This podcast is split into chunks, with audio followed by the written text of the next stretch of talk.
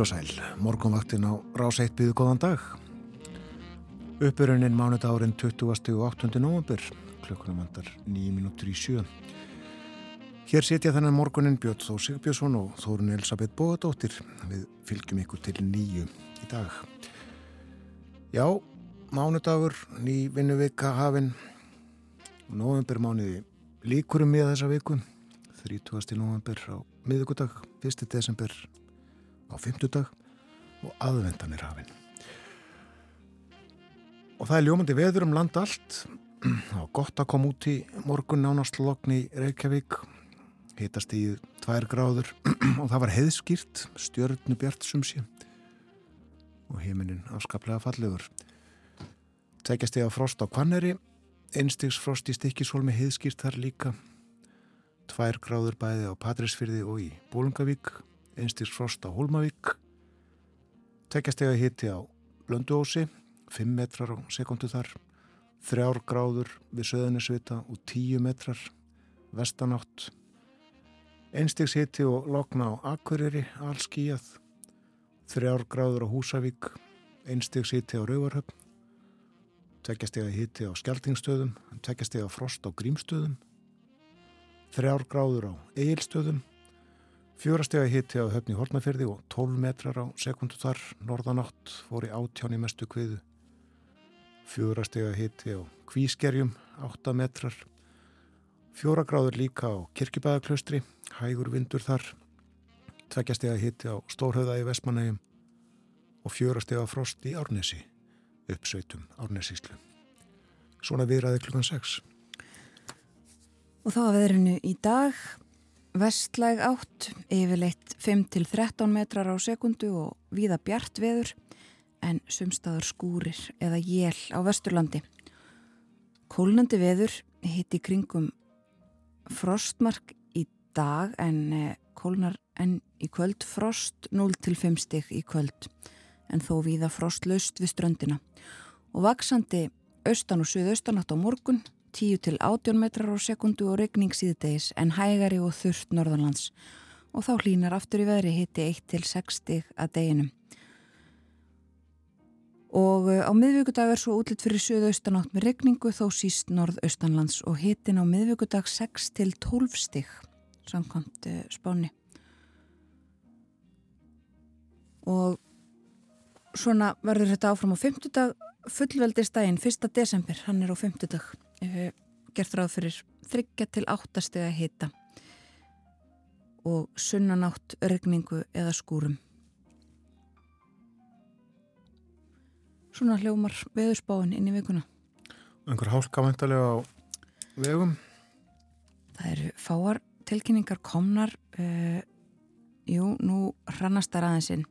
Hálkublettir á Krísuvíkurvegi, Bláfjallavegi og Holmseiði á Suðvesturlandi hálka á Holtavörðuheiði og Bröttubrekku og eitthvað um hálkubletti, það er hálka á Gemlufalsheiði og Flatirarvegi á vestfjörðum og hálkublettir víða.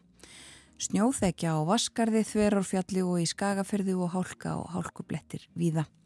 Og svo er hálka á milli Selfoss og Hellu á Skeiðarvegi og Skálholtsvegi. Við setjum lag á fónin, hlustum á Mamas and the Papas. so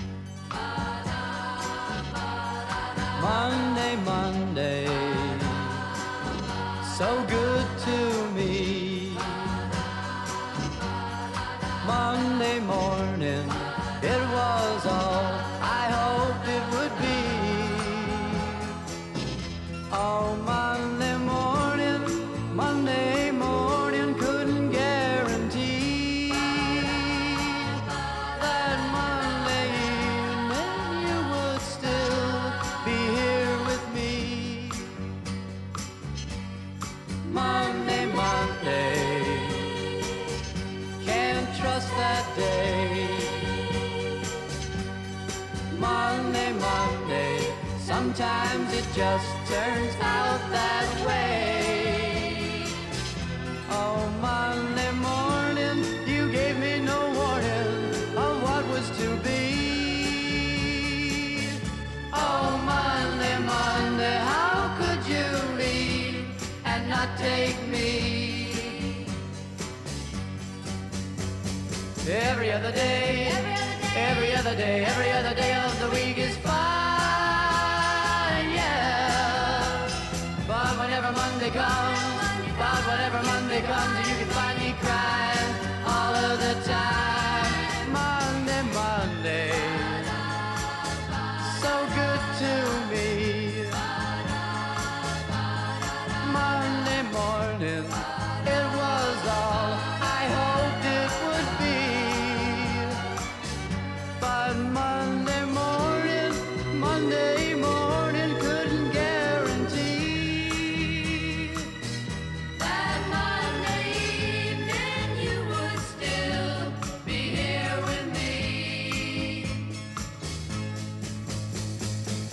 other day,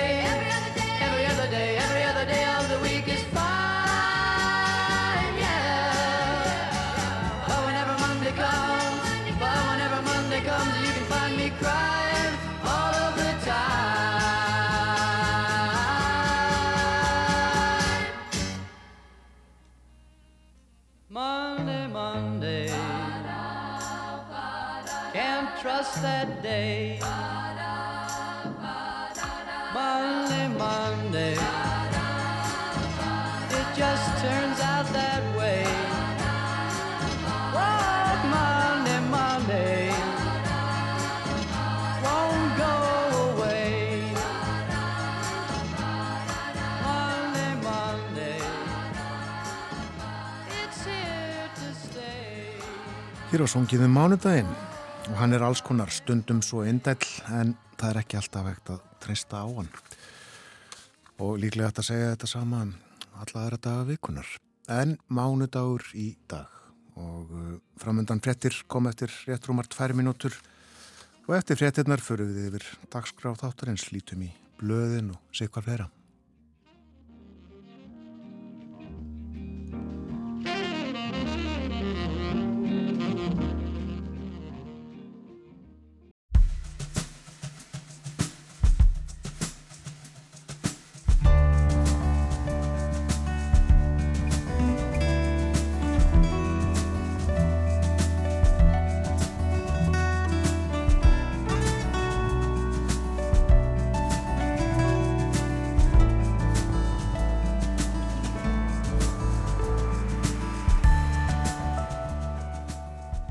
Morgunvaktin helsar og býður góðan dag. Í dag er mánudagur 28. november.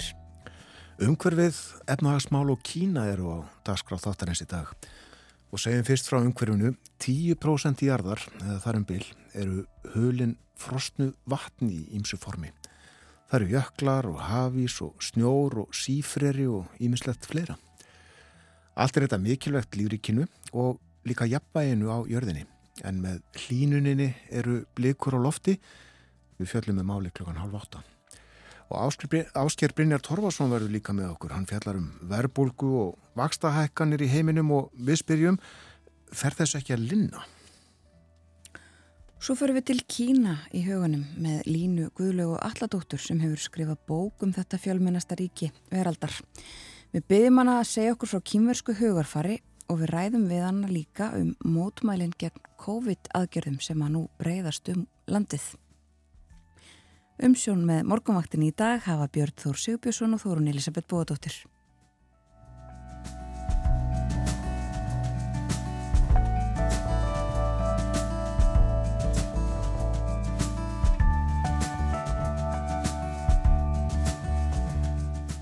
Það er útlitt fyrir bjartan og fallegan dag víða um land. Já, sólinn skín viða. Verður vestlæg átt í dag, yfirleitt 5-13 metrar á sekundu og bjart veður en stöku jél norðvestan til. Hitin í kringum frostmarka en kólnar svo í kvöld og uh, þá verður frost á bylunu 0-5 stig en víða frostlust við ströndina. Vaksandi suðaustanátt á morgun, 10-18 metrar á sekundu og fyrir að regna setnipartin en hægari vindur og yfirleitt þurft á norður og austurlandi. Og það hlínar á ný 1-6 stig í kortunum sent á morgun og miðugudagur svo útlitt fyrir 6-12 stig að hita. Suðaustanátt með rigningu þó síst norðaustanlands og á fymtudag 1. desember áfram frekar lít, þrjú til áttastig, sunnanátt og regning eða skúrir engum suðaustan til en uh, þurft að kalla á Norðurlandi. Hvað eru, tólstíða hitti á miðvikudaginn? Já, uh, svo segir í hugleðingum viðfræðings uh, 6 til 12 stegi hitti og uh, svo kólnar nú aðeins sínist mér föstudag og lögadag er gert ráð fyrir, á lögadag og sunnudag gert ráð fyrir hitta á bylunu 0 til svona 5-6 stig rigning eða slitta í kortunum þá en þetta er nú samt uh, frekar hlýtt í, jú, meiri segja maður svona skrunar eftir kortinu og þá er gert ráð fyrir 13 steg að hita á Akureyri á, fimt, á fymtudags, aðfaranótt fymtudag aðfaranótt 1. desember 13 steg að hiti á Akureyri. Það bara hlýtur að vera ofinnlegt Já, ég held ég verði bara klóra mér í skallanum yfir. En það er hálka á heiðum, fórum yfir það hér fyrir fréttinar klukkan 7 og uh, ekki bara á heiðum, uh, líka hálka á Krísuvíkuvegi er það ekki svona svo dæmi séu tekin. Jú, hálku blettir á Krísuvíkuvegi, á Bláfjallavegi og á Holmseiði og uh, svo er, jú, snjóþekja á Holtaverðuheiði, hálka á Bröttubrekku, eitthvað um hálku bletti og það eru ummitt, það er hálka á, á heiðum, Gemlufalsheiði og á Flatirarvegi og hálku blettir víða á Vestfjörðum. Snjóþekja á Vaskarði, Þverárfjalli og í Skagafyrði og hálka og hálkublettir víða á Norðurlandi og sömu leiðis Norðausturlandi og þar er líka snjóþekja í Öksarfyrði á Dettifossvegi og Biskupshálsi. Hálka er í Fagradal, ófært er á Öksi og Breitalsheiði og að lokum hálka á milli Selfoss og Seljalandsfoss. Sömulegðis hálka á Skeiðavegi og Skálhaldsvegi og eitthvað um hálkubletti á útvegum, segir uh, í tilkynningum frá vegagerðinni. Aðvendan hóst í gær og ímislegt gert af því tilefni uh, jólaljósin á Óslóatrénu á Östurvelli í Reykjavík voru tendruð og fórsýðu mynd morgunblaðsins tekinn þar í gær. Má sjá aftan á tvær húfur á myndinni. Og þarna er þarna er barn með uh, svona einhverja bánsahúfu, einhver svona eiru úturinni og uh, foreldrið gerir ráð fyrir með barni í fanginu og dúskur þar einn. En uh, það er fjallað um fjármál og fjárhagstöðu sveitafélaga í landinu á fórsíðunni og uh, rætt við Heiðubjörgu Hilmistóttur. Hún er borgarfulltrú í Reykjavík og formaður stjórnarsambands íslenskra sveitafélaga og uh, hún segir niðurskurður eða nýri nálgun á lögbundin viðfánsefni sem sinna þarf eru þær leiði sem eru færar til að mæta þeim vanda sem nú er til staðar í rekstri fjölda sveitafélaga á landinu. Vandamálinn segir hún misjöfn millir byggða en staðan sé þó einna vest í þeim sveitafélögum sem séu með miklar þjónustu skildur, verðbólka og háir vextir hafa einni mikil áhrif.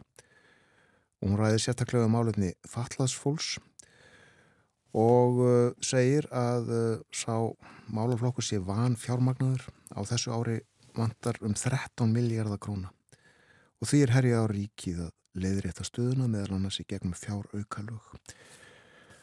Ítalega fjallaði þetta í morgunblæðinu í dag. E, líka er sagt frá nýri skýslu e, um framtíð uh, öryggis og vartanmála og uh, sagt að, uh, að þau mál verði engum drifin áfram af tæknithróun og hún sé nú þegar farin að hafa áhrif á framvindu hernaðar og þessi skýsla var skrifuð á vettvangi Allarsharsbandalagsins og einn höfunda er Njál Trösti Friðbertsson, alþingismadur hann jafnbrant formaður Íslandsdeildar NATO-þingsins og var uh, ekki bara einn höfunda heldur uh, aðal höfundur þessarar skýslu og hann segir gríðarlega mikilvægt fyrir Ísland að við séum meðvituð um hvað þessi mál eru að breytast mikið. Þá fyrir út í heim. Já, og uh, byrjum í Kína þar sem að mótmæli hafa brotist út vegna uh, COVID aðgerða stjórnvalda. Nú uh, hafa mótmæli eh, verið, uh, þau hafa breyðist út um, um nokkrar borgir um, hófust í uh, borg sem að heitir Úrumkví þar sem að varð eldsvoði og tíu mann stóðu og uh, þetta kom þessu af stað fólk tók að mótmæla jáfnvel þó að fjölmjölar segi að fólk sem að bjó í þessari blokk þar sem eldsvoðin var hafi geta yfirgefi heimili sín að þá um, þá segir fólk, segja mótmælendur að uh, þessi hörðu þessar hörðu COVID aðgerðir sem eru í gildi í Kína hafi haft sitt að segja um um döðsföllin og uh, og uh, þá fólk tók við að mótmæla og þetta hefur breyðst út. Nú er mótmælt í uh, Beijing og í Shanghai einhverjir kalla eftir því að fórsiti Kína uh, Xi Jinping segja af sér.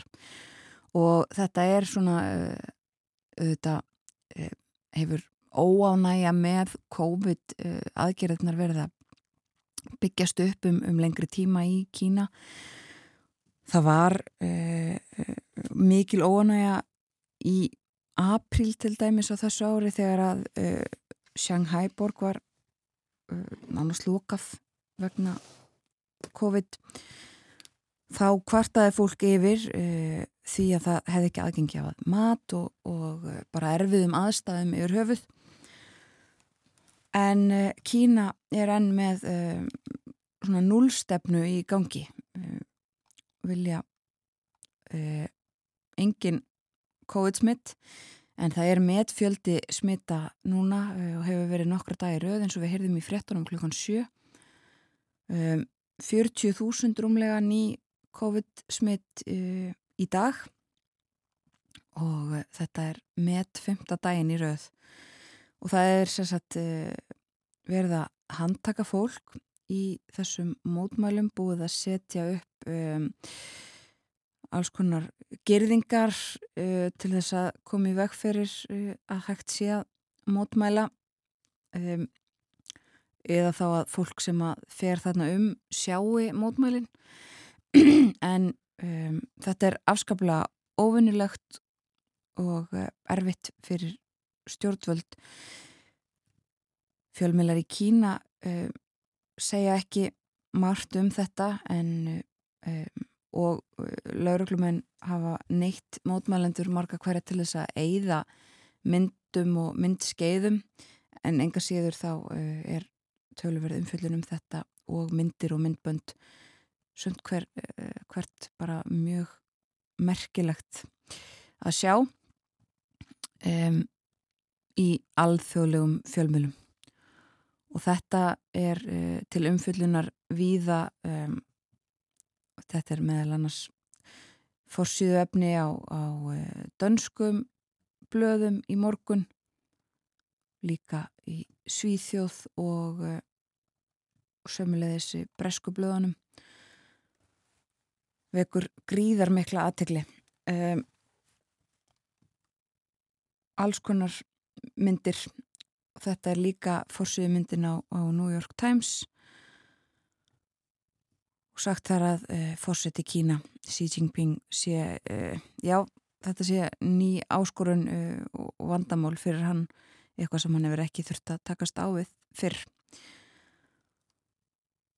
Og þetta er svona stóramálið ásamt frettum af Úkrænu nú segja stjórnvöldi Úkrænu að árásir rúsa á orku innviði þeir geti tólkast sem þjóðarmorð vegna þess að með því að ráðast svona gegn orku innviðunum gera miljónir manna um, ramags og vasslaus líka að þá sé verið að uh, ráðast gegn allri úkrænsku, úkrænsku þjóðinni og uh, uh, það sé ekki hægt að meta neitt öruvísi heldur en að það eh, séu tilraun til þjóðarmorðs og uh, fjallaðum þetta í fjölmjölum líka út í heimi.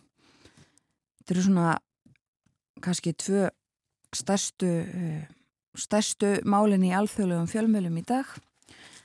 En við ræðum nánar um Kína hér á eftir. Til okkar kemur Lína Guðlaug Alladóttir hún gaf út bók fyrir skömmu um Kína. Eh, hún heitir Rót allt sem þú þarfst að vita um Kína og meira til. Og við nýtum tækifærið og, og spyrjum Línu Guðlaugu líka um mótmæli og, og fleira í Kína. Hún þekkir vel til þar. En um, förum til bandaríkjana í tónlistinni. Hlustum á uh, Willi Nelson og Janis Ian syngja. Lagið heiti Memphis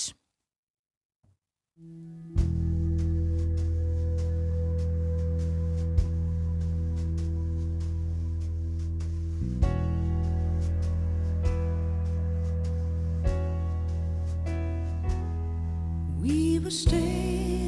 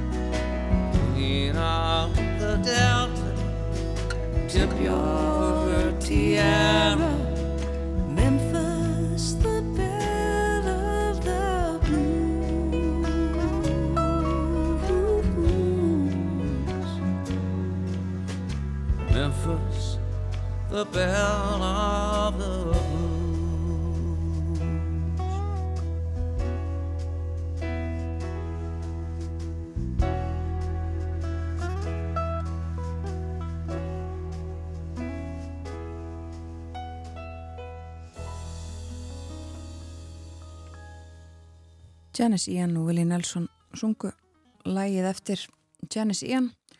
Þetta var á plötu sem hún gaf út árið 2000. Plötu sem heitir God and the FBI. Nokkur orðum knaðspyrnu, heimsmeistra móti stendur jú í Katar. Í síðustu viku sögðu við fréttir, já, sögðu við fréttir, við rifjuðum upp frásagnir af úrslita leiknum í heimsmeistra mótinu 1958.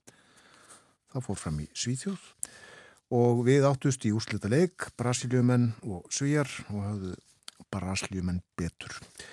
En 1954 fór heimsmeistra keppnin í fótbolta fram í Sviss. Og í úrslitaleik mættust ungverjar og vestur þjóðurjar og vestur þjóðurjar höfðu betur. Þeir uh, sériðu 3-2 og uh, þetta voru óvend úrslit uh, ungverjarnir almennt taldir með besta lið heims 1954 og uh, þetta var ekki síður óvend í ljósi þessa liðin mættust í reyðlakeppninni og þá vann ungverjarland 8-3 Já. en tabli snýrið sem sagt við í úrslutalegnum og uh, þeir uh, voru nú sagðir vel að þessu komnir vestu þjóðurinnir uh, lieku afskaplega vel í úrslutalegnum og morgunblæði sagði frá því á forsíðu að uh, það ríkti sorg í Ungarilandi eftir ósegurinn og uh, blæði byrti skeiti sem að uh, barst frá uh, Ungarilandi í gegnum uh, London. Já, það ríkti sorgum gerfalt Ungveriland eftir ósugur ungverska landslýsins í knaspinu fyrir hennu Þíska og sangkvæmt frétt frá ungversku ríkisfréttastofinni lék ekki hljómsveit á neinu gisti og veitingahúsi í landinu og sala öls og víns. Eh, hún eh, hefur eh, já, sjaldan verið minni. Það var ekki til þess að skála fyrir, segir í fréttinni. Götur allar í Budapest voru þett skipaðar mönnum og konum á öllum aldri, ólundar svipur var á öllum og óanægjan mikil umræðunar voru eftir því háarar og það var eins og allir vildu skamma náungan, allir virtust hafa talið það víst að ungur er myndu sigra þjóðverja En uh, það fór sem það sagt ekki þannig. Og fórustumenn knaspitumála í Ungurlandi þeir skelltu skuldinni á forraðamenn hinsmestraketnar og uh, þeir sögðu að Ungurjarnir hafi verið þreyttir eftir strandna leiki í umfyrðunum á undan gegn Brasilíu og Uruguay. Og uh, áfram margir af knaspitnu gagrinendunum ungversku þeir heldu úr skálum reyðu sinnar á síðum bladana og beintist reyði margra því að Púskas, sem að var nú besti fókbaltamaður sögunar, frábær þetta 1954, hann uh, var látin spila uh, þótt hann væri meittur. Ekki gott. Nei. Já, uh, vestu þjóðverjar heimsmeistarar 1954.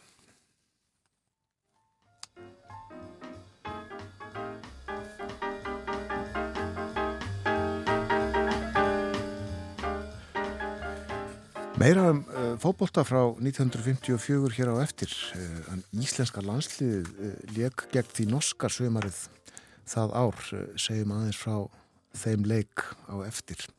En fréttaðið litið kemur þér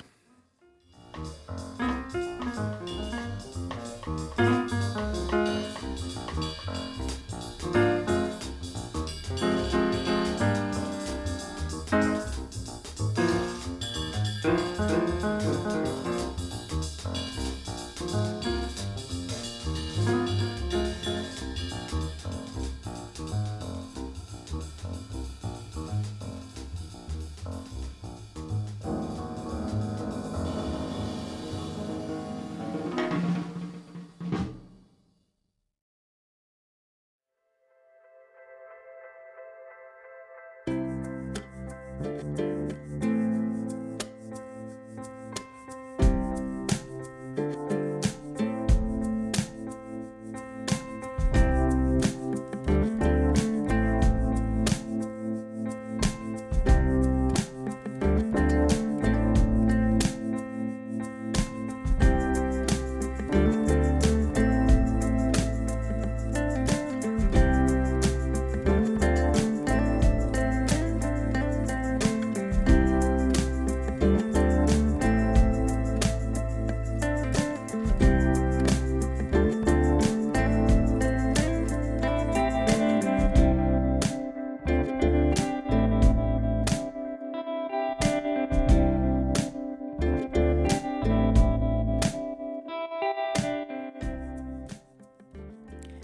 Þetta er morgunvaktin á ráseitt frétta yfirlitið að baki klukkun orðin rúmlega hálfa átta þennan mánudagsmorgun.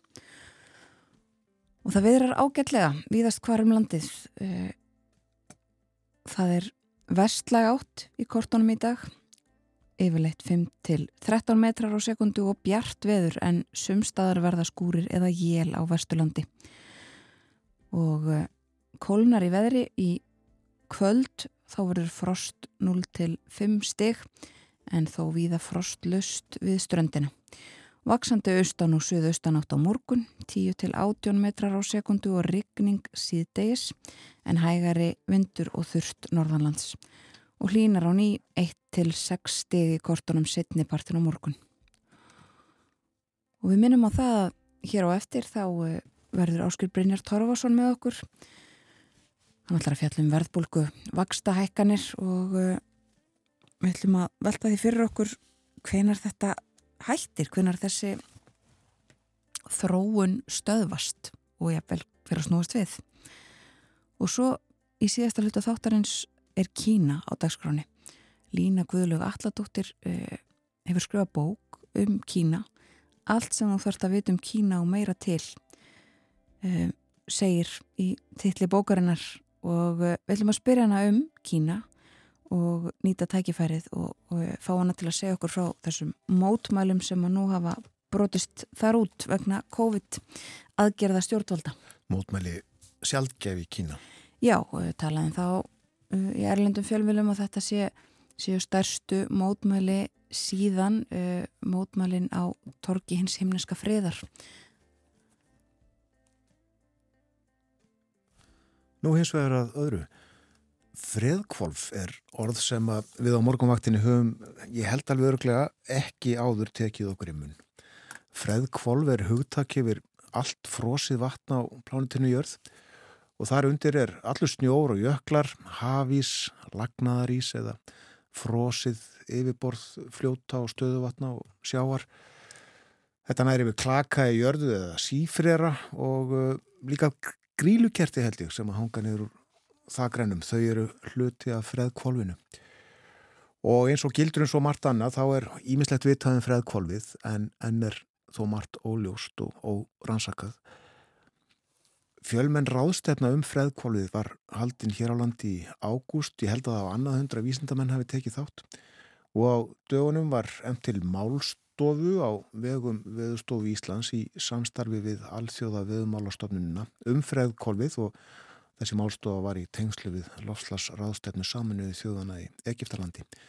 Hjá okkur er Anna Hulda Ólafstóttir, hún er starfsmæður veðustofunar, ber þar titilinn skrifstofustjóri lofslagsþjónustu og aðlugunar, en hún stýrði pallbors umræðum á málstofunni og hún ætlar að fara í tiltölulega stuttumáli yfir það helsta sem að vita er um freðkvolvið og, og uh, það er það varðar sem skiptir málið fyrir lífið og jörðinni. Velkomin til okkar. Takk fyrir. Já, þetta er vísna stórt umfjöldunar efni, allt frosið vatn á nettinum og freðkvolvið hefur minga og það bara tölverti það ekki á síðustu árum. Jú, vissulega, þetta er mikið áhyggju efni um, ef við tölum um bara hversu mikið þá get ég nefnt að ísbreyður uh, uh, uppsafnað á hverju ári hafa verið að minka um 372 gigatónu ári að meðaltali uh, síðastliðin áratug sem er um það byrj 8 sinnum magnið á gardavatni. Jöklanir hafa verið að bráðna eins að meðaltali á ári síðastliðin áratug 350 gigatón sem er um það byrj 3 sinnum magnið á evrósku ölpunum. Og ef við setjum það í íslenskt samhengi þá er það hilda rúmmál vatnajökuls yfir tíu ár. Þannig að þetta er ofsalega hérna, mikið magn sem við erum að sjá. Og eins sama sagan er að segja um uh, hérna, ísbreyður í hafi og annað. Þannig að þetta er allt á, niðurleið, maður getur sagt Já, og allt sem að við teljum til freð kválsurs, allt á þetta undir höggasækja. Já, Er vel fylst með freðkólunu? Já, það er vel fylgst með því og við höfum aldrei haft jafn mikla vittnesku um uh, freðkólið eins og nú. Það er ofbúslega mikið að gögn, mikið að tækni framförum sem gerir það að verkum að við getum verið að, að fylgjast með uh, hlutum sem við höfum kannski ekki getað fylgst eins vel með áður.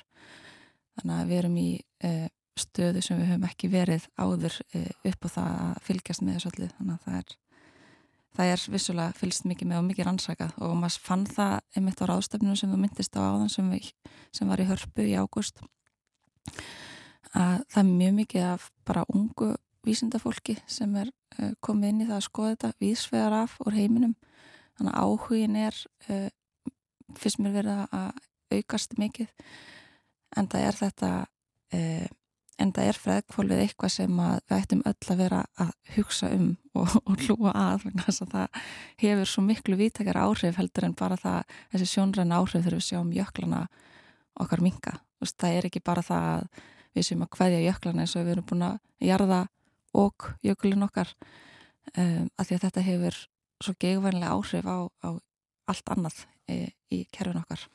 Förum þá yfir þessi áhrif. Hver er þau helst? um, svona kannski stærstu atriðin sem við getum sagt að, að þetta hafi áhrif á er uh, að mínu mati tvent sérstaklega uh, þó sé fleiri atriði uh, er það að við getum ekki lengur sagt að þessi að bráðnun á fræðkólunu séu svona þess sjáanlegi parturinn af því að loftlagsbreytinga sé eiga sér stað heldur er þetta hreinlega núna að, að íta þessum breytingum á stað. Um, þetta orsakast að því að við erum með jákvæða svörun eða styrkjandi svörun um, svolítið uh, eins og bara við sjáum snjúbólta að renna nefi fjall og hann stækkar alltaf að það er með því að ísinn sé að bráðna þá hefur það áhrif á það að við, það hlýnar hraðar og þar bráðnar hann meira þannig að það er mikið áhyggju efni að uh, það er að hlýna hraðar á pólarsvæðunum og artiksvæðinu um sem gerir það að verkum og maður myndi kannski fyrst, í fyrstu hugsa hei það er bara frábært að sé að hlýna hraðar á, á köldustu svæðunum í heiminum. En það er einmitt alls ekki gott af því að þar er stærsti parturinn af fræðkólun okkar.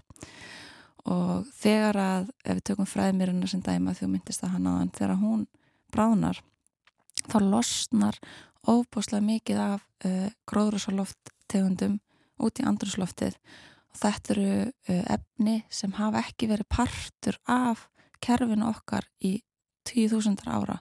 Búin að vera bara læst ofan í jörðinni og hefur ekki verið inn í okkar kerfi.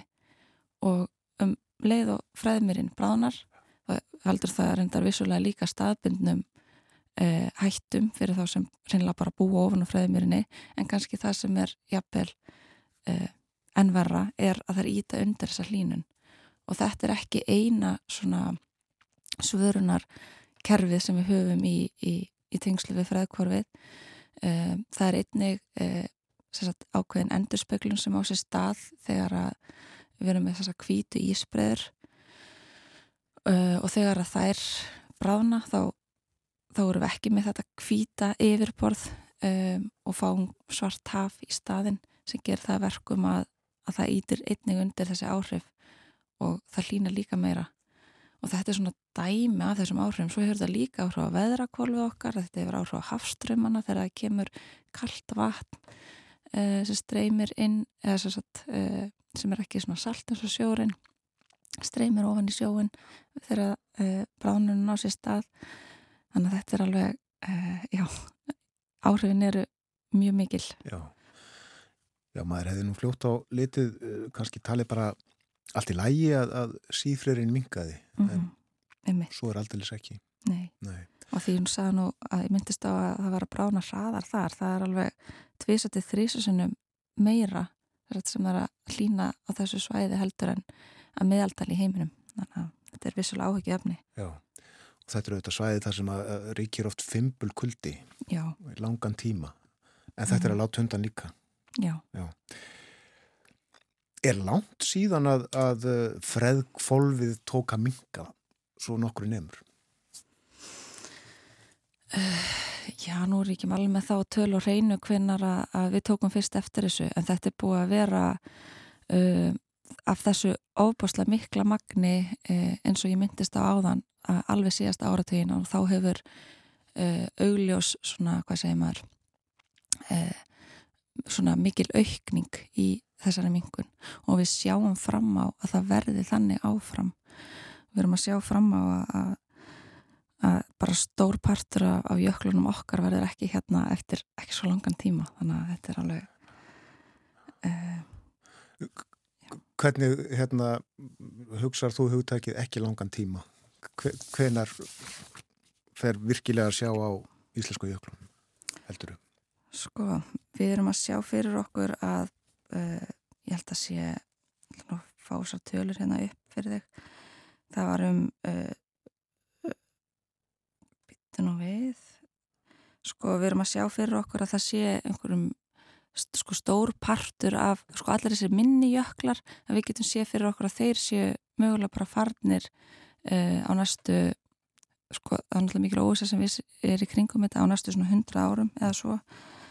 Um, þannig að það er spurning hvort að, að þeir mun allir kveði okkur eins og okjökullin um, en það er þessi, star, þessi starri ísbreiður sem munum kannski vera með okkur uh, uh, lengur. Um, en, en það er eins og ég segi allir þessi minni jöklar sem eru vísvegar í um, dreifa sér hérna vísvegar um, um heiminn þeir munu vera með okkur aðeins lengur Já. Og það eru margi vísindamenn að, að uh, rannsaka, uh, fylgjast með og uh, reyna að spá fyrir það ekki um þróunina. Jú, og því er spáð fyrir að til dæmis eins og vatnajökull að hann muni missa um 15-30% eh, af sínu massa fyrir 2100 og hofsjökull um 60%, langiðukull um 90%, þannig að sér það sko munurinn eh, eftir því sem að eh, jöklinir eh, eru minni þá, verða þessi áhrif hraðari og meiri. Og uh, þetta uh, var já um Ísland hér áðan. Uh, þetta, þetta er að gerast allstaðar á jörðinni þegar ekki. Það er nokkuð fjallaðum norðurskauti hérna, ekki síst vegna ringbórs norðurslóða en Mhm. minna um, um suðurskautið. Uh, þetta er að gerast það líka. Já, sko ef maður ber saman bráðnununa til dæmis á söðuskautinu og uh, á, á norðurskautinu þá er uh, Grænlandsjökull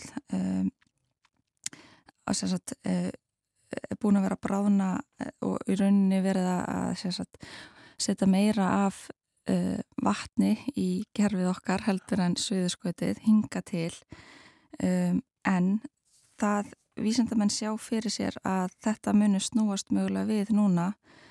Um, og það er, hefur ofsalega mikil áhrif á okkur hérna á Íslandi ef við tökum hérna tölum sérstaklega um sko sjáastöðbreytingar uh, þetta stafast af því sérstaklega að þegar að Grænlandsjökull bránar, að því að hann er nú svo nálátt okkur um, þá færist hérna massa miðjan svolítið í nettinu okkar. Þannig að það hefur það verkum að uh, við sko, það er ekki landris nema að sé sko kannski eins og vatnajökull en, en það færist aðeins massin til á nettinum sem ger það að verkum að uh, þegar að grænlasjökull bránar þá hækkar ekki eins mikið uh, sjáastaðan henni kringum Ísland. Þannig að það sem flestir þurfa ekkit rosalega mikið að hugsa um sko, við miðbögg hvaðan er vatni að koma sem bætist ofin í sjóin en fyrir okkur skiptir það mjög miklu máli. Þannig að hinga til hefur Grænlandsjökull verið að koma um mesta vatninu í kerfið en nú sjá ísindamenn fyrir sér að, þetta geti snúist við og það sem gerist þá er að það hefur miklu meira áhrif á sjáastöðuna henni kringum Ísland. Þannig að við þurfum rosalega að huga að þessu. Fyrir utan það hvað söðsköti hefur að geima alltaf bara lang, lang stæstan eh, eh, í rauninni stæstan parta freðkvölinu þannig að langmesta vatni og sjáastöðu ígildi sem að eru í söðskötinu og eh, það er svo mikil óvisa sem er í kringum alls konar eh, svona svörunarkerfi sem að snúa að því þegar vatn kemur uh, undir jökulin sem líkur uh, yfir sjónum og, og þegar brotna þessar stóru ísbreður af jöklinum. Um, og við hérna það múið segja það ef við tölum aftur um ráðstefnuna sem var í ágúst að vísindamennu voru allir sammála á ráðstefnunu um það hvert stemdi en af því að það er mikið óvissu í kringum þessar risastóru ísbreið á söðuskutinu ég held að þess að óvissan hafi mest snúist í kringum það hvernig vísindamenn telja að, að sko að leiðin muni liggja uh, fyrir söðuskotslandi þegar maður getur sagt það svo. Uh, þannig að þeir eru sammálum endapunktin en, en kannski uh, erfar að spá fyrir um þessi einstaka atriði uh, uh, þar einmitt og sérstaklega á vestur söðuskotlandinu Já. En býtu skildið þið rétt, bráðnun á Suðurskjöldslandinu hefur áhrif á sjáastöðuna hér. Já, hún hefur sagt, auðvitað hefur allt áhrif á sjáastöðuna hér um, en hún hefur verstu áhrifin Ég meinti það, umfram bráðnun í Já, Grænlandsjökull. þannig að við getum til dæmis vera ef við horfum bara hringin í kringum Ísland þá er eins og er eh, um 30% af meðal hækkun sjávar í heiminum þá er það ekki náma 30% hérna á Íslandi. Þannig að ef að það myndi hækka um heilan metr í heiminum að meðaltali þá var það 30% af því sem myndi hækka í kringum strendur Ísland eins og staðan er í augnablikinu. En það er einmitt uh, að stórum parti vegna þess að mikið af uh, að stærstu parturinn af uh, þessu vatni sem hefur að bætast við hefur að koma frá grænlandsjökli. Þannig að ef þetta snýst við þá getur við verið eh, umfram hérna það sem er að gerast í heiminum. Þannig að þetta, þetta skiptir okkur ofsalega miklu máli. Það er greinlegt. Við höfum talað hérna um pólana tvo, uh, svo er talað um þriðja pólinn. Já, og það eru háfjallasvæðin í Asíu. Þar, er, eru miklur jöklar, mikill snjóð mm og þetta er líka brána. Já, það talaði um þetta svæði sem er yfir háfællasvæði Asíu mitt. Um, þar er talað um að uh, það, já, það er alveg um 25% mannskins sem býr á þessu svæði, þannig að þetta er rosalega mikið fólki. Og að því við fórum aðeins yfir uh, bránun náðan en kannski ekki afleggingarna sem að þessi bránun hefur uh, fyrir utan þessi keðverkandi áhrif að styrkjandi áhrif. Um, en það eru rosalega margir sem trist á vassbúkskapsinn uh, sagt, frá jöklunum. Þannig að og það er einmitt þarna á þessu svæði uh, sérstaklega í kringum þriðja pólinn. Um, þannig að þegar að uh, þegar að jöklarnir brána þá er ekki lengur kannski vatn til fyrir ákveðin svæði. Um, þannig að á, á þessu svæði á þriðja pólunum þá voru vísindarmennirun ekki með mikla forsendur fyrir uh, vissi ekki svo mikið um þetta svæði fyrir ekkert svo löngu síðan. Um, það var svona, já, bara ef við förum bara aftur svona síðustu 15 ára eða svo, það var breyst mikið. Uh, sérstaklega gagvart loftlagsbreytingum uh, en núna hafa gögnin orðið tölvert aðgengilegur og fleiri til fyrir þetta svæði. Og uh, sagt, uh, og bara áhrifin sem það hefur á náttúru og samfélag hafa orðið, uh, orðið miklu gerlegri og fengið á sem meiri mynd á undarförnu á þessu svæði. En þetta er rosalega flókið svæði um, vegna útbreyslu um, minkandi hafís á norðupólunum uh, þá hefur það í rauninni áhrif á monsúnvinda. Þannig um, þannig að þetta er í rauninni dæmi um svona keðiverkandi áhrif og áhrif sem að eiga sér stað á einum eða sagt eitthvað sem gerast á einu staðin hefur áhrif á einhvern annan stað um, þannig að þetta, það hefur áhrif á veðurfara og úrkomu á þessu þriðja uh, pólsvæði og þannig að þetta, í rauninni til þess að rannsaka þetta svæði þá þarftu svona hildrænar uh, rannsóknir og vöktun og miðlun svona þvert á landamæri. Er einhvern veginn hægt að uh, stöðva þessa þróun og jafnvel snúinni við? Er þetta að vernda freðkvolfið? Já, að sjálfsög, við getum uh, og það gerum við bara með að spórna við loftasbreytingum eins og við getum gert. Um, en það eru vissulega kerfi sem að við vitum ekki um, það, það töf í kerfinu, getum við sagt. Um, þannig að það mun halda áfram að brána um, einhvern ára skeið þó svo við myndum hætta öllum útbylastri í ögnablikinu bara núna strax. Þannig að mjög mikilvægt er grípin til aðgerða sem allra fyrst helst í dag. Og það mun alltaf taka smá tíma fyrir kerfið að, að, hérna, að ná okkur, ef maður getur sagt svo. En svo eru líka kerfið sem að reynilega fara bara fram af brún og þá er ekki eftir stoppað. Þannig að það ert með minni jöklana og svona þá það getur verið hans erriðt fyrir okkur að stoppa bránuna hjá þeim. Og kemur aldrei aftur. það er ólíklegt. Allavega ekki, ekki fljótlega svo sem eh, ef við horfum til mjög langs tíma þá veitum við ekki hvað gerir enn í okkar svona tíð mannsins. Anna held að þú uh, fjalla mikið um, um freðkvolfið í vinnunni en uh, gerir eitthvað fleira á viðstofunni? Já, ég eins og þú komst nú aðeins inn á áðan þá er ég yfir skrifstofu lofslags þjónustu og aðlugunar um, þannig að uh, freðkólver er rauninni bara svona uh, partur af því sem loftlagsbreytingar hafa áhrif á. Þannig að við erum að, að gera ímislegt uh, á þessari skrifstofu sem snúa að loftlagsbreytingum og uh, við erum til dæmis tengilegur við IPCC sem er þess að það er að segja milliríkjarand saminuð þjóðana sem hefur að gefa út þessar skýslur og tökum þátt í þeirri vinnu.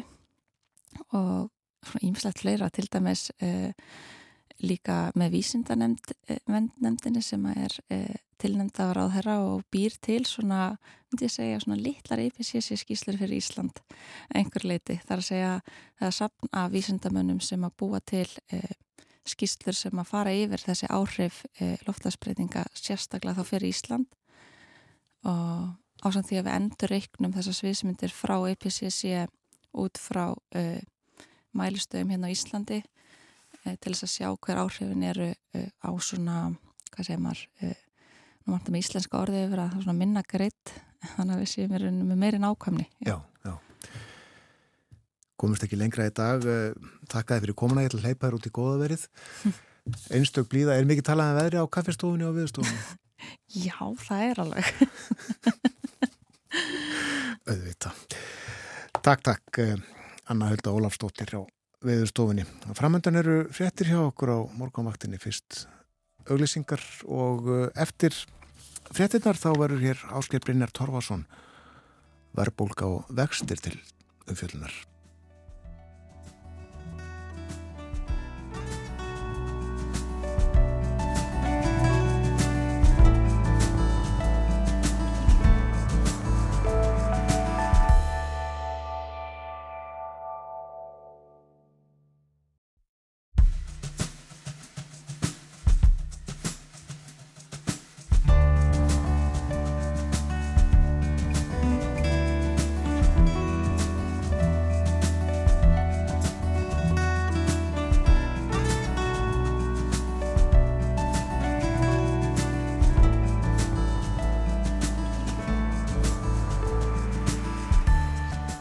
Aftur þið verða að hlusta á morgunvaktina á Rás 1. Það er mánudagur í dag 20. og 8. november, klukkan farin að ganga nýju.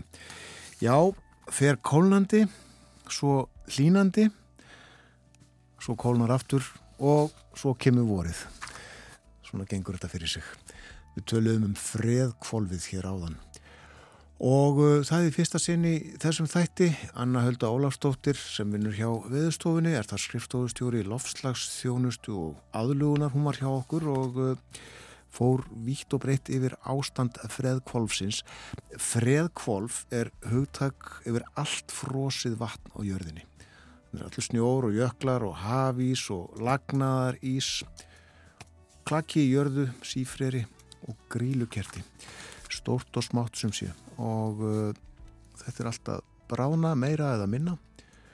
Og hún nefndi alveg hreint ótrúlegar tölur yfir uh, magnið af því vatni sem að sem sagt uh, verður að vatni breytist úr snjó eða, eða klaka í vatn á hverju ári. Og þetta bara eftir að aukast saði Anna Hölda okkur. Og hún saði okkur líka það er talað um veðrið á kaffistofunni og veðurstofunni. Er ekkert öðruvísi þar við kaffivélina heldur en annar staðar. En uh, nú ætlum við að tala um uh, annað uh, háar tölur líka frekar. Að tala um verðbólgu og vakstahækkanir og hjá okkur er áskiprinir Torfarsson sérfræðingur í fjármálum. Hella sætla góðan dag. Góðan daginn. fer þessum vakstahækkunum ekki að linna? Já, við verðum að vona það öll. Uh, ég var að hugsa á leiðinni hvort að þetta líka þessu við vassborðshækkunina sem hún var að tala um að, að uh, levelið, sagt, verðið í heiminum er búið núna að vera að hækka nánast allstaðar og uh, það er ekkit líklegt að það færi neitt að lækka. Við erum komin á eh, nýja stöðu, sagt, við þurfum að laða okkur að því en, en við verðum að vona að það haldi ekki stöðut áfram að hækka. Það er það sem þetta snýst um aðalega. Og í heiminum er allavega fyrirsögnin í Financial Times yesterday í gær að, að verðbólgan í heiminum er mjög líklega búin að ná toppinum og, og svona margir mælikvarða benda til þess að toppinum sé náð og núna eh, sé sem sagt minni hækkun og að þá hægt og rólega vonandi á næsta ári náu við þessu markmið sem að flestir bankanir eru með um að verðbólgan sé bara 2% en, en það er nú reyndar líkonin þeirra sem reikna þó út að það muni nást yfirleitt á svona einu til tveimur árum. Þannig að e, það fer náttúrulega eftir já hvernig stríði fer og ymsu öðru, ég meina Kína fréttinnar í morgun er ekkert heldur uh, endilega hjálplega fyrir efnaðarslíf heimsins ef, að- ef að þar verður uh, uppsteitt og, og mikill órói lengi. En, en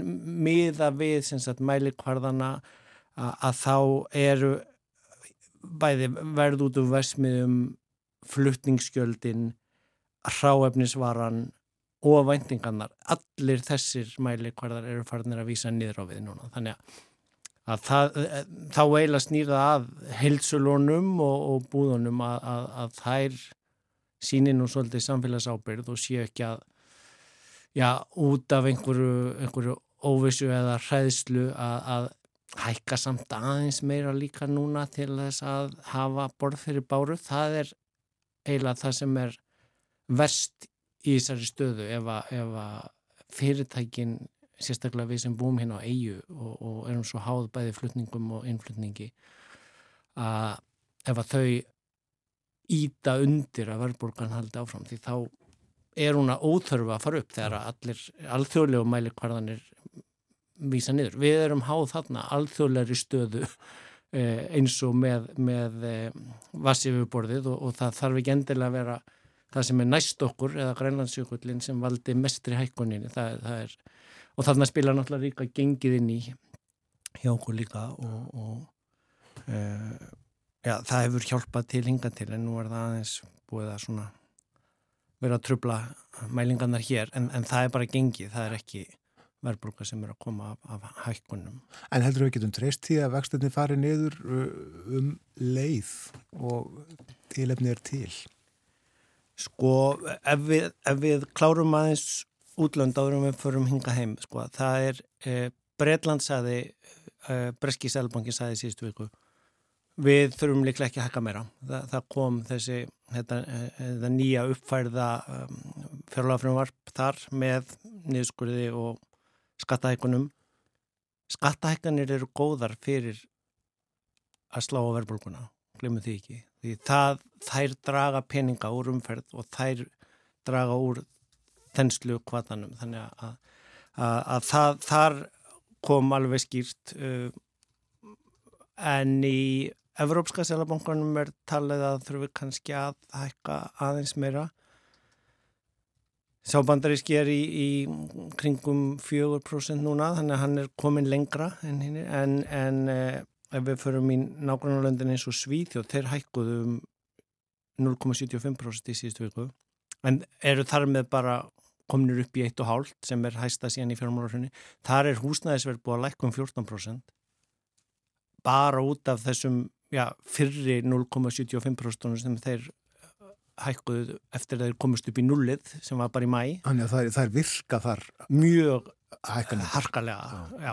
því þar er, er fólk með húsnæðislánin sín eh, náttúrulega í overtrúum vöxtum sem hafa verða byngt fyrir áhrifum af e, vakstæðisbúrunum þannig að það dregur úr fólk e, gefur föndur í jólagjöf frekar heldur en að kaupa mikið e, afbókar ég vel öllandsferðir þegar að það finnur beint fyrir því að vakstæðisbúrunin þýðir herri útgjöld. Og ég hef nú áður talað um hérna förstudags e, skemmti þáttinn hérna skatthólið eða ekonomíbírón í Sænska ríkisjónarspunnu sem að e, var einmitt að tala um e, í síðustu eða þar síðustu viku að hvernig skatt, e, vaksta hækkanar væru að valda auknum hagnaði bankana til dæmis og, og, og hvernig já, þetta væri að beinleins hafa áhrif inn í, inn í e, byttuna hjá heimilunum. Þannig að, þannig að þar er ferða samt eftir sko ég meina hvort þeir haldi áfram hækka ef það er búið að ná 14% lækkun á húsnæðisverði e, og samdráttur eru farin að koma í hagkerfið.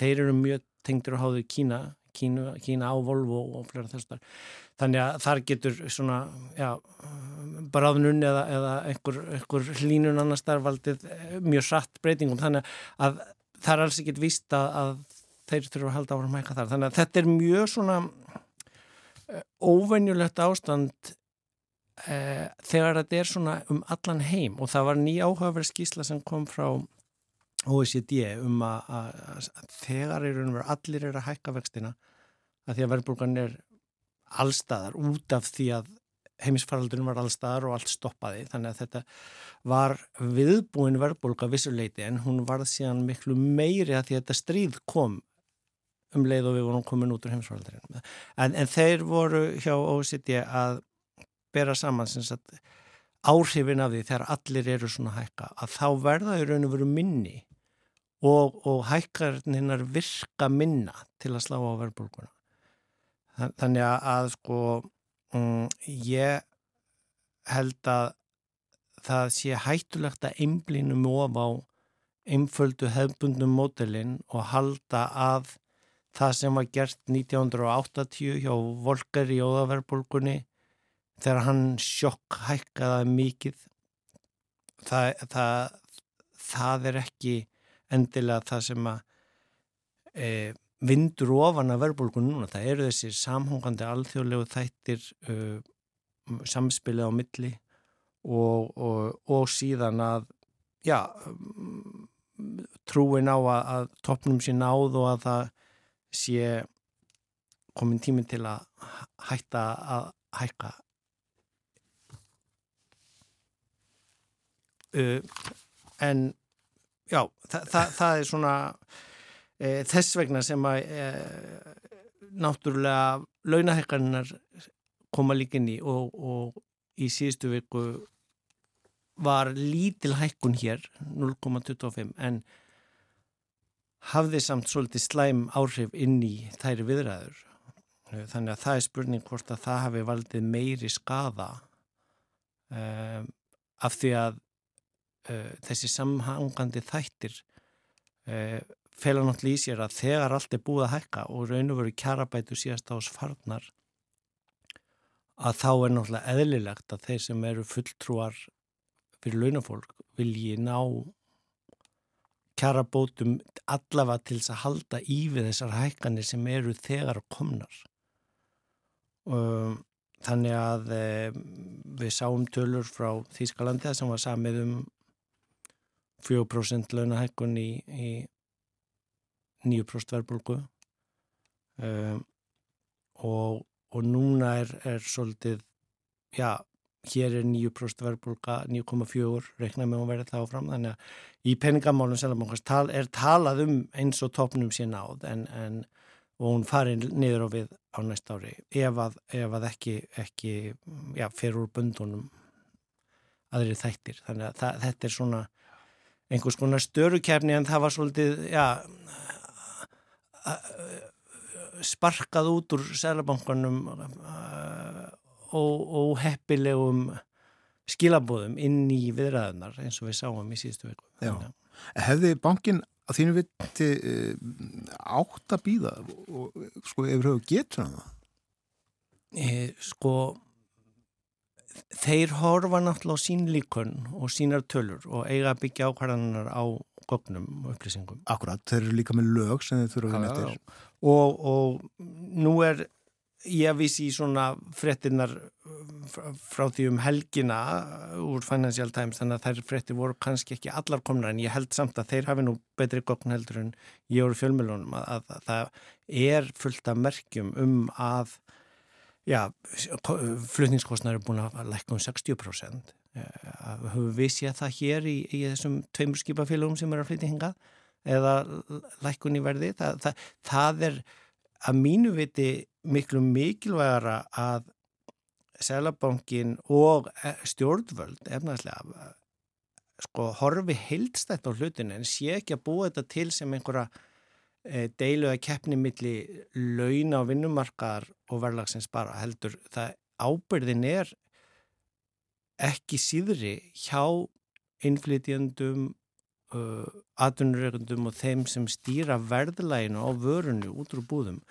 Uh, ég hef áður vísa til Fraklands, það er ein, ein af minnstu verðbólgunum í Evrópu eins og í Sviss, þar eru stjórnvöld með mjög já, hörð inngrip í hækkanir á vörum, nöðsynavörum uh, og orkuverði líka, þannig að uh, það er uh, þannig sem að er líka hægt að hemja verðbólguna, þannig að fólk nái að lifa af á laununum og borga nöðsynjarnar, matinn og, og húsnæðiskostnæðin uh, og þannig þurfi ekki að vera að berjast fyrir eins miklum launahækunum bara til að halda í við óbreytt ástand. En hvernig er það gert þegar verðlagningar jú frjáls?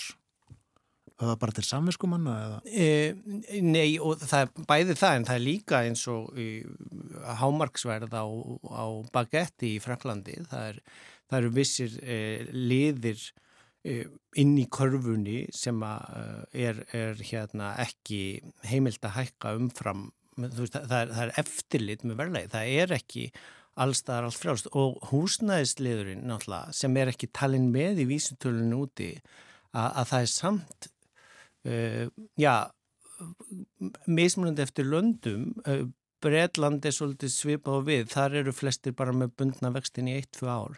Í bandaríkjónum eru húsnæðisvextir festir í 20-30 ár. Þannig að þar er bara þeir sem eru nýbúinir að kaupa húsnæði eða eru að kaupa húsnæði sem eru að verða fyrir vaksta hækkununum sem eru þar núna. En þær eru ekki að breyðast yfir allan íbúða kostnæðin hjá öllum uh, stokkinum.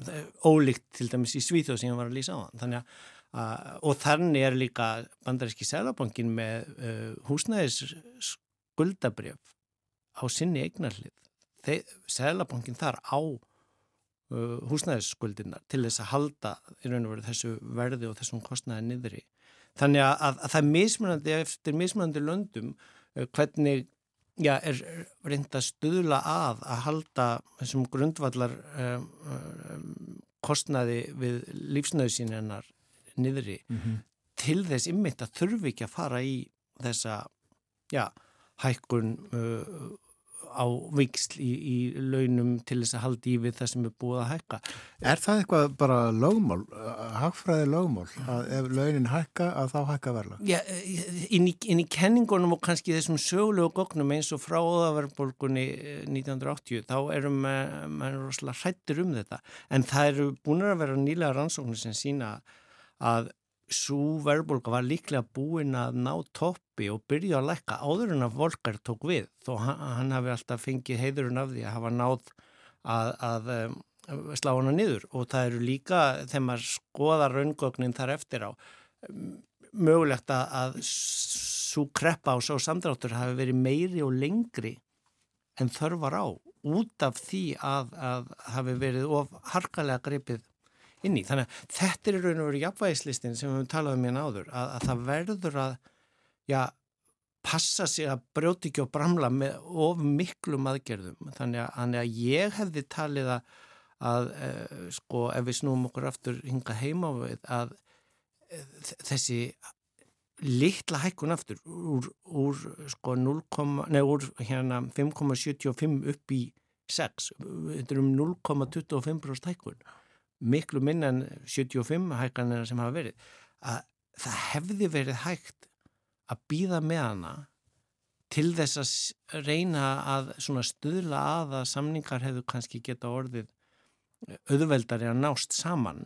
E, ég veit ekki hvort að það sé einhver hugmynd hjá þeim að ætla að reyna að koma á verkvöldum hjá vaffærið þannig að ég er verið búðum lokað fyrir jólinn til þess að slá á þenslu með því að, að, að fólk get ekki kift of mikið. Nei, það er nú ekki ætlum Nei, en, en, en vi- við verðum að, að líta á þetta sem sko sameilegt hlutverk og allir þurfa að koma að því. Það er það sem ríkisstjórninar úti í heimur að gera með orkukostnaði sem er að slá uh, fólk harðast í buttuna þar. Að það eru aðgerðir hins ofinberða til að lækka þann kostnað. En ef ég skilði rétt ásker sko að, að þá var þessi hækkun í síðustu viku það lítil að það hefði í raun verið þetta sleppinni eða Ég, sko, ef, ef við horfum á hlutvalstölur af prósendum, þe- þetta er, eh, þetta er ekki þegar eins og þegar maður fer úr 0,75 upp í 1,5, það er tvöföldun. Þetta er, þetta er bara, innan við 5% hækkun. Þannig að, mér finnst þetta svona merkjum að, já, sjaldan hafi eins fáir eh, valdið eins miklum skada með eins lítilli hækkun og gerðist þannig síðustu viku en En vonandi nær ríkissáttasemjari aðlum aftur á borðinu og aftur segir vonandi taka allir aðilanir á markaðnum til sín eh, merkin utan úr heimi. Ráveruverð er að fara niður, flutningskostnæðurinn er að fara niður.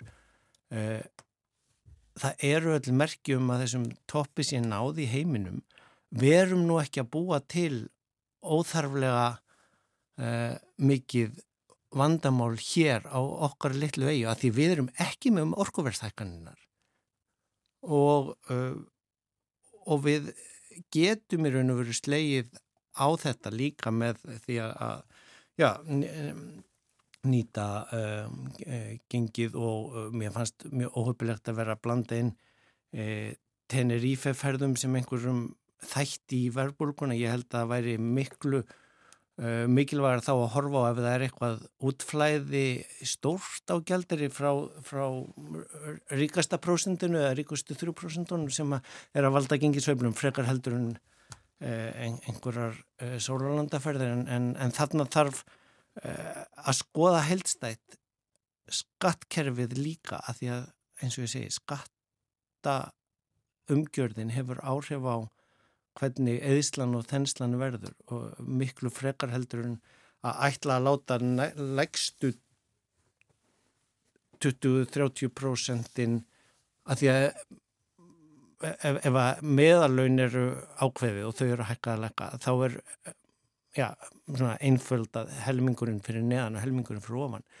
Verðbólgan verður ekki hjá neðri helmingu sem er að kaupa í matinn og borga húsnæðið og ekki eðan inn öðru það þarf bara fleiri krónur þar til að kaupa sama mat og borga af sama húsnæðisláni. Þannig að það er ekki verbulgu kveitjandi í sjálfu sér kjarabætur sem verða þar til að halda í við eh, hækkunina heldur er það á efri helmingnum þar sem að þenslan og eðislan er að verða. Og það er hér sem við setjum punktin í dag þakkaði fyrir að koma á morgunvaktina á Skiprína Torfarsson. Takk fyrir. Við ræðum uh, fjármál, efnaðasmál, vítt og breytt annarkvæmt mánundag. Framöndan er fréttaði við lit og svo ætlum við að tala um Kína.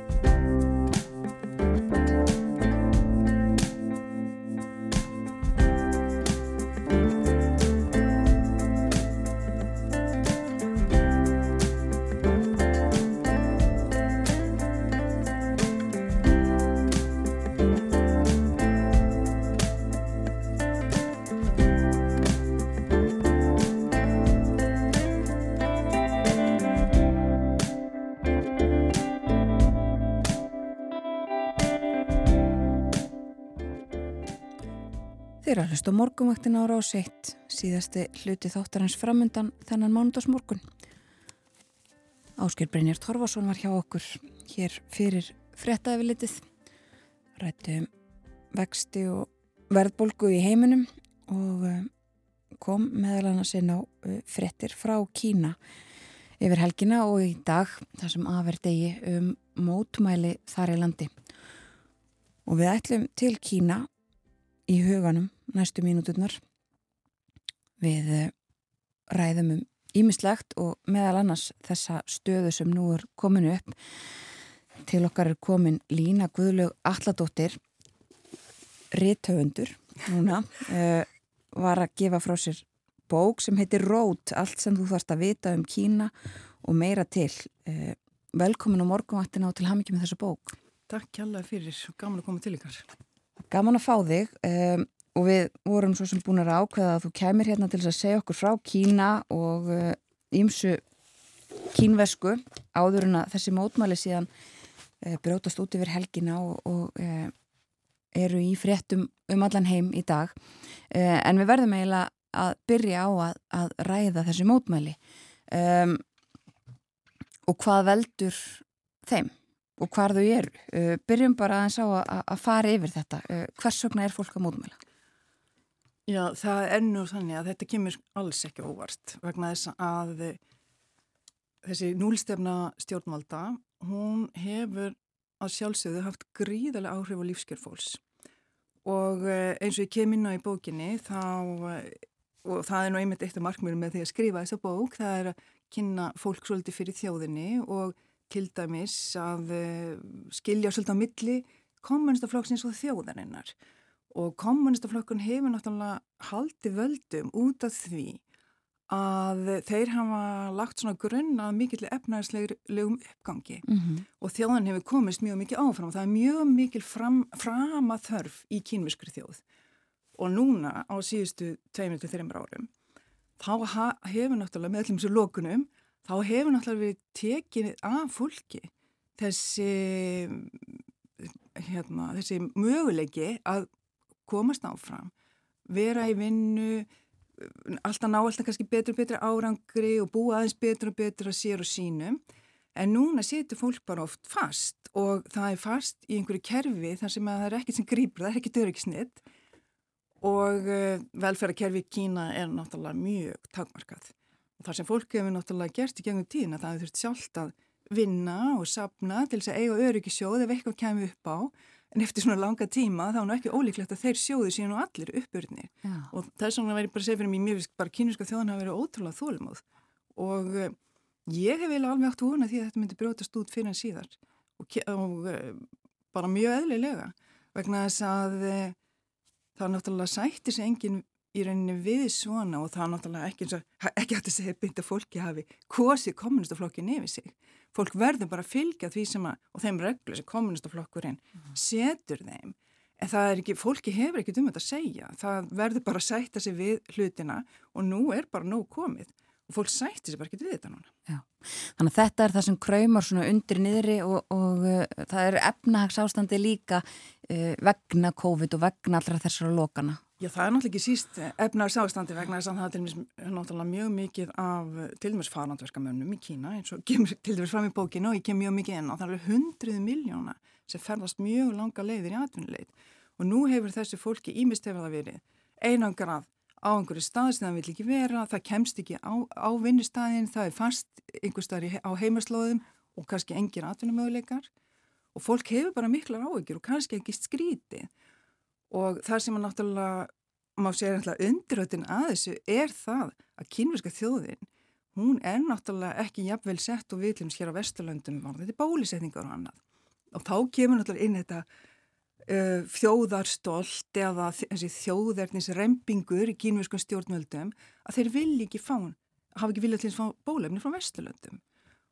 Einungis nota sitt eigi bólefni og það er náttúrulega, kann ekki góður líka stýra þegar að allar rannsóknir sína það að það sé ekki eins virt og þú nú hafa þeir verið að berja sér á brjóst gagvað þjóðinni á síðustu missurum að til og með stöðsfæll út af COVID uh, gamla fólki sem að náttúrulega hefur alltaf verið háðum haft í kýminsku samfélagi það sé miklu færri döðsföll í Kína og hafa, þeim hafa vegna mikið betur og þeir verður að berja þessari hugsin inn í þjóðina og mann svo sem alveg séð þau umræðinni að þeim hefur tekist upp að vissu marki að koma þessu áfram. En núna þá er bara komið nóg og fólk uh, sættir sér bara ekki við þetta lengur. Þannig að það er, það er svo litið erfitt að sjá hvað verður en ég á ekki vona því að, að núverðandi fórseti sem að ennú að fara inn í sitt þriðja tímabil að hann muni sætta sig við svona mótmæli og eflaust mun að berja þetta niður Já, harður hendi. já. Uh, en mótmælin eru hinga til að mestu leiti algjörlega friðsamleg. Það er talað um að það hefði orð, orðið einhverjir áreikstrar uh, millir mótmæland og laurugli í Shanghai og, og einhver, einhverjar handtökur.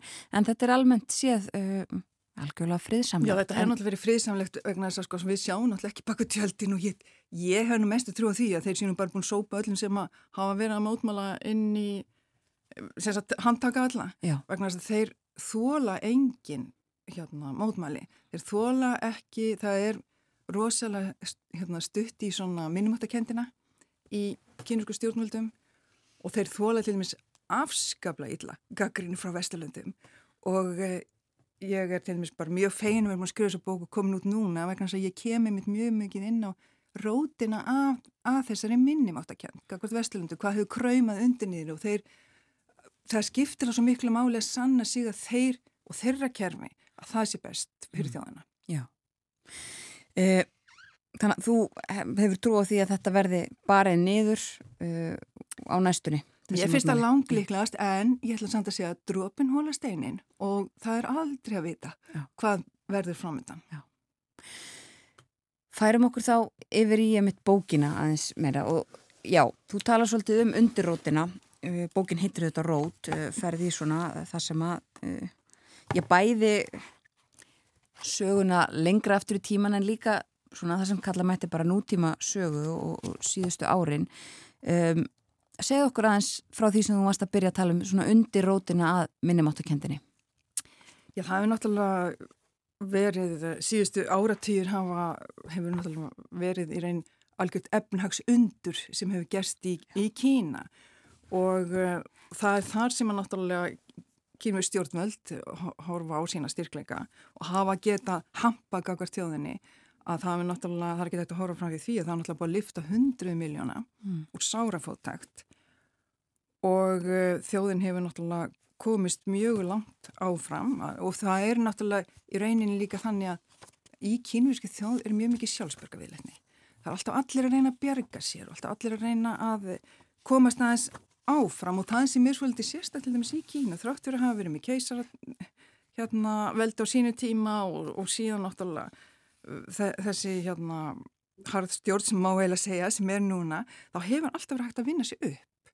Og það er einhvern veginn þráttur að kynverjar séu ekki með mjög sterkast einstaklískend þá hefur alltaf verið þannig að þú hefur svona upp að vissumarki geta komist áfram á eigin velugum og uh, nú er það bara orðið þannig að það eru eiginlega má segja svolítið tvær kynslaður í Kína. Það er það sem ég kalla þöggla kynslaðin sem er gamla Mao kynslaðin og lætum kannski svolítið svona allt í þessi ganga. En unga fólki í dag það er bara alveg ótrúlega framadrifið og uh, gerir bara allt til að koma sér áfram og vill bara hafa hlutina að mörguleiti eins og að Vesturlöndum. Þó svo vissulega sé búið að berja þjóðurniskendinni daldi inn í ungu þjóðana því þetta byrja mjög snemma alveg bara í grunnskóla á fyrsta ári líku við eins og ég einmitt tala um í bókinni því ég fer náttúrulega mjög víða í bókinni yfir í rauninni þessa nútíma væðingu. Mm bæði eins og að því þú talaði nú um hérna Rót sem er nafni á bókinni að þá er til dæmis eins og bara byrja svo litið á þessari hérna, borgvæðingu og þessari ótrúlegu, þessu ótrúlega umróti sem verður í þjóðfélaginu þegar að eh, bændunir flytja náttúrulega í stóri stíl eh, til borgana stundum sjálfviljur en þetta náttúrulega skapar líka mjög mikið skil ofta á milli vegna þess að það, börnin er til dæmis skilin oft, ofta tíðum eftir.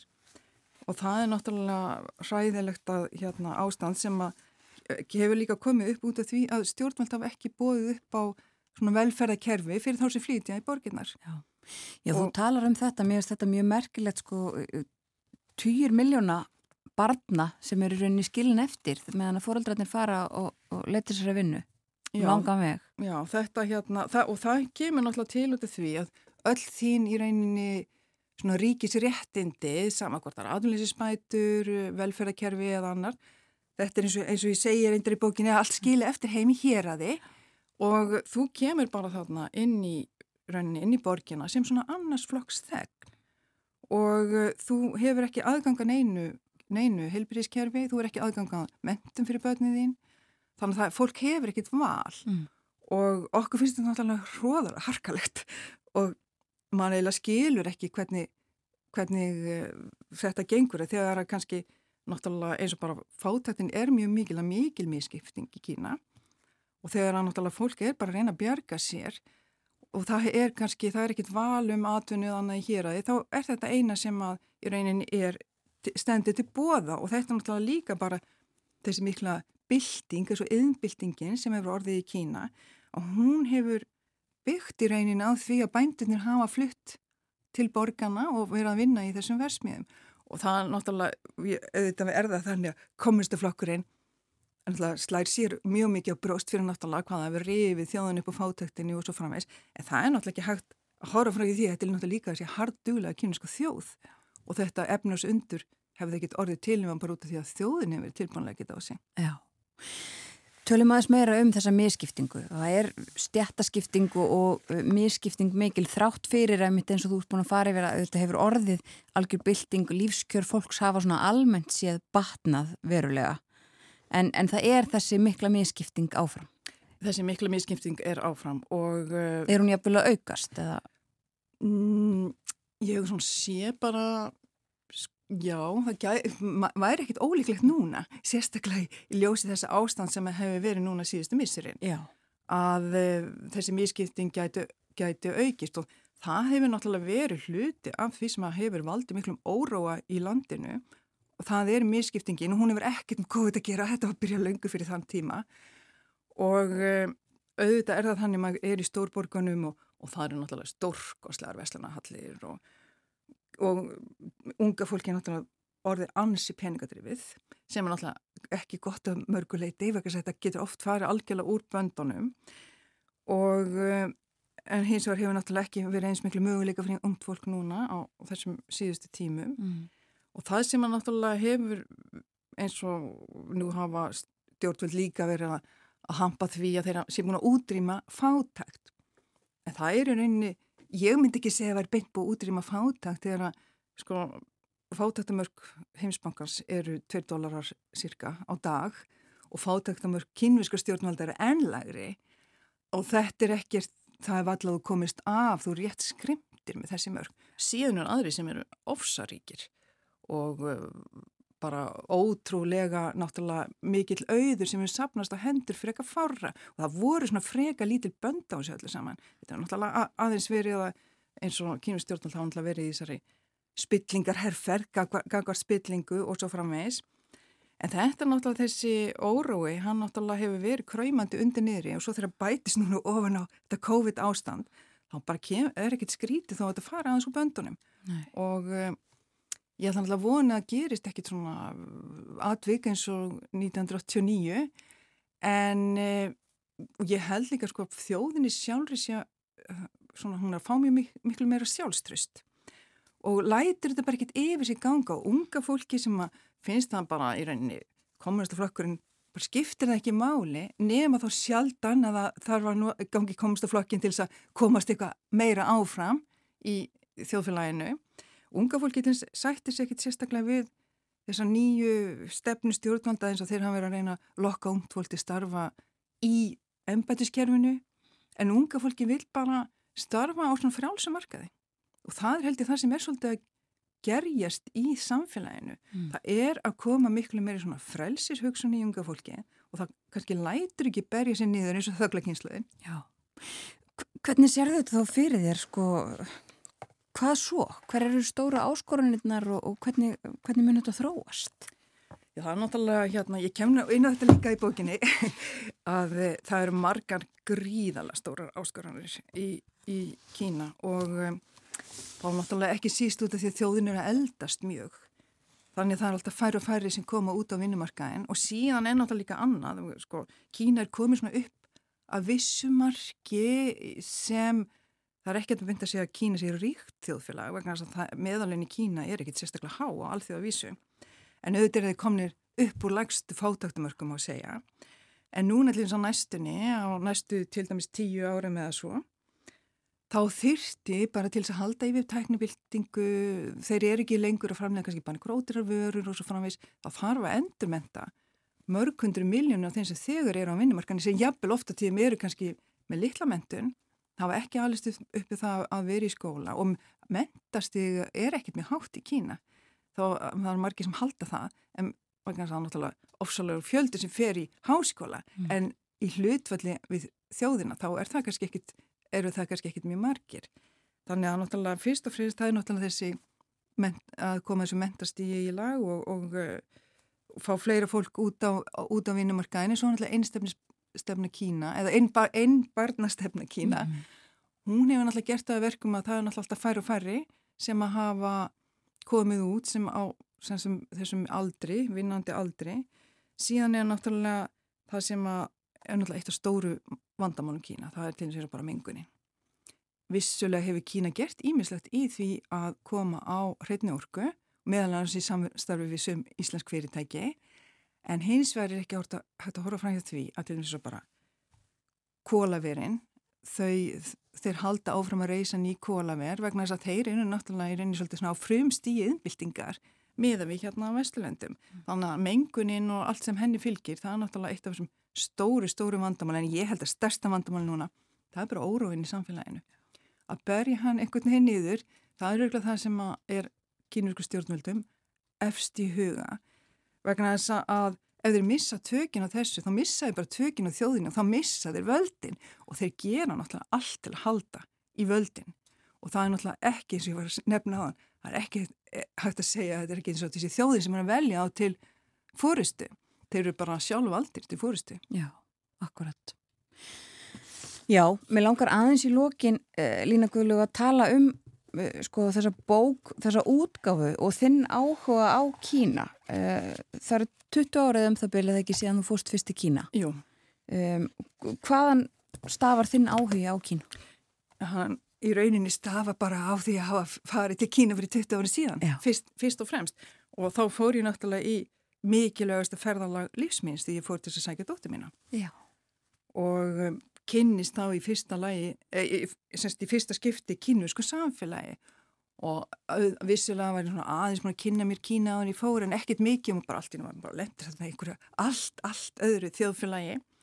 En ég fann alveg strax sko þegar ég kom að var náttúrulega mjög uppbyggin bara við að vera í þessari ferð og, og allt sem henni fylgdi. Að það, þetta var eitthvað gríðarlega áhugavert og spennandi. Síðan þannig að mér heldur mér engi bönd. Og fjórum ár síðan var ég mætt með dóttur mína litla í mikið ferðalagi Kína og ég er nú viðskiptafræðingur. Og eh, hef mikið áhuga, hef unni mikið með bæði svona yðnfyrirtækjum, framlýslu fyrirtækjum, hönnuna fyrirtækjum og svo leiðis og ég sá hana til dæmis bara svolítið svona svipað þróun og hefur gerst hér á Íslandi. Neyslubildingin og þróun í hönnunamálum og annað sem að reynda náttúrulega allt á ljósaraða sjálfsögðu í Kína. Og mér fannst þetta bara, hann var ótrúlega einhvern veginn gerjun í gangi. Mm. og ég kem 2007 þannig ég annars skiptið til Kína þetta ár fyrir olimpíuleikana og það sem að maður fann alltaf, það var bara alltaf kvolvið í þjóðflæginu og uh, það var að koma svona má svona, svona segja léttvæg þjóðirniskendi þjóðinum. Og allir að svona byrja að fyllast af einhverju þjóðarstolti. Þannig var eitthvað sem þeir, þeir gætu gert.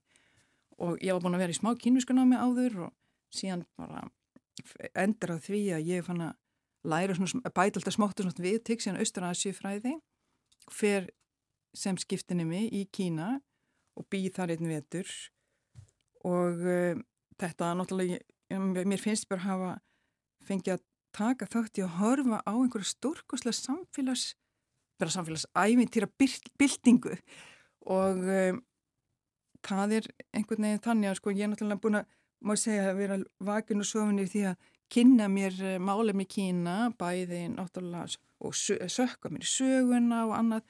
Og núna fannst mér bara komið tími til að já það var reynda að byrja þinn á þessu verkefni fyrir átt áni síðan þannig að þetta er ekki eitthvað sem að maður hristi fram úr erminni. Og ég er búin að vinna þessu náttúrulega mjög, uh, þetta er mikið ástyrði verkefni. Þannig að það, ég þurfti að koma sér frá mér vegna þess að það er náttúrulega bara þannig að fólk veit ekki nógu mikið og það er mjög mikilvægt að við Íslandinga til dæmis eigum, höfum aðgengi að svona efni á íslensku sem um málefni sem skiptir náttúrulega okkur gríðarlega miklu máli. Það sem við höfðum náttúrulega í huga fyrir að við tala um sjálfstæð útgáfu. Að hóðlega fyrstanlega að það skiptir miklu máli að vera svona sjálfstæð og óháð. Ég vildi ekki, ég, ég þekki náttúrulega vel til í Kína, ég vildi alls ekki hafa að það væri einhver staðar einhver rýtskoðun yfir mér eða eitthvað því en líkt.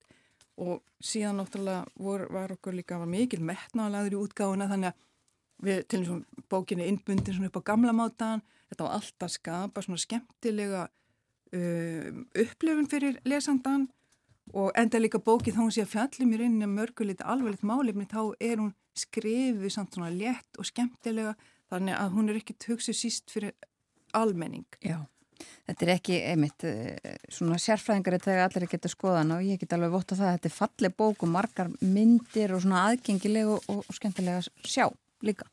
Já, við náttúrulega hö- höfðum það náttúrulega í huga að það er náttúrulega myndir segja oft meira heldur mörg orð. Þannig að það skipti okkur bara miklu máli að hafa inn í fallegan pappir, hafa inn í góða myndir og var náttúrulega alveg frábæra myndskreitingar líka það var frá einhver eskur hannur sem að skreitti myndskreitti og gerði kápuna fyrir okkur þannig að þú getur gengið að þessari bók sem bara ef ekki segja bara nútíma spennubók Kæra þakki fyrir að koma til okkar á morgunvættina Lína Guðlu Alladóttir.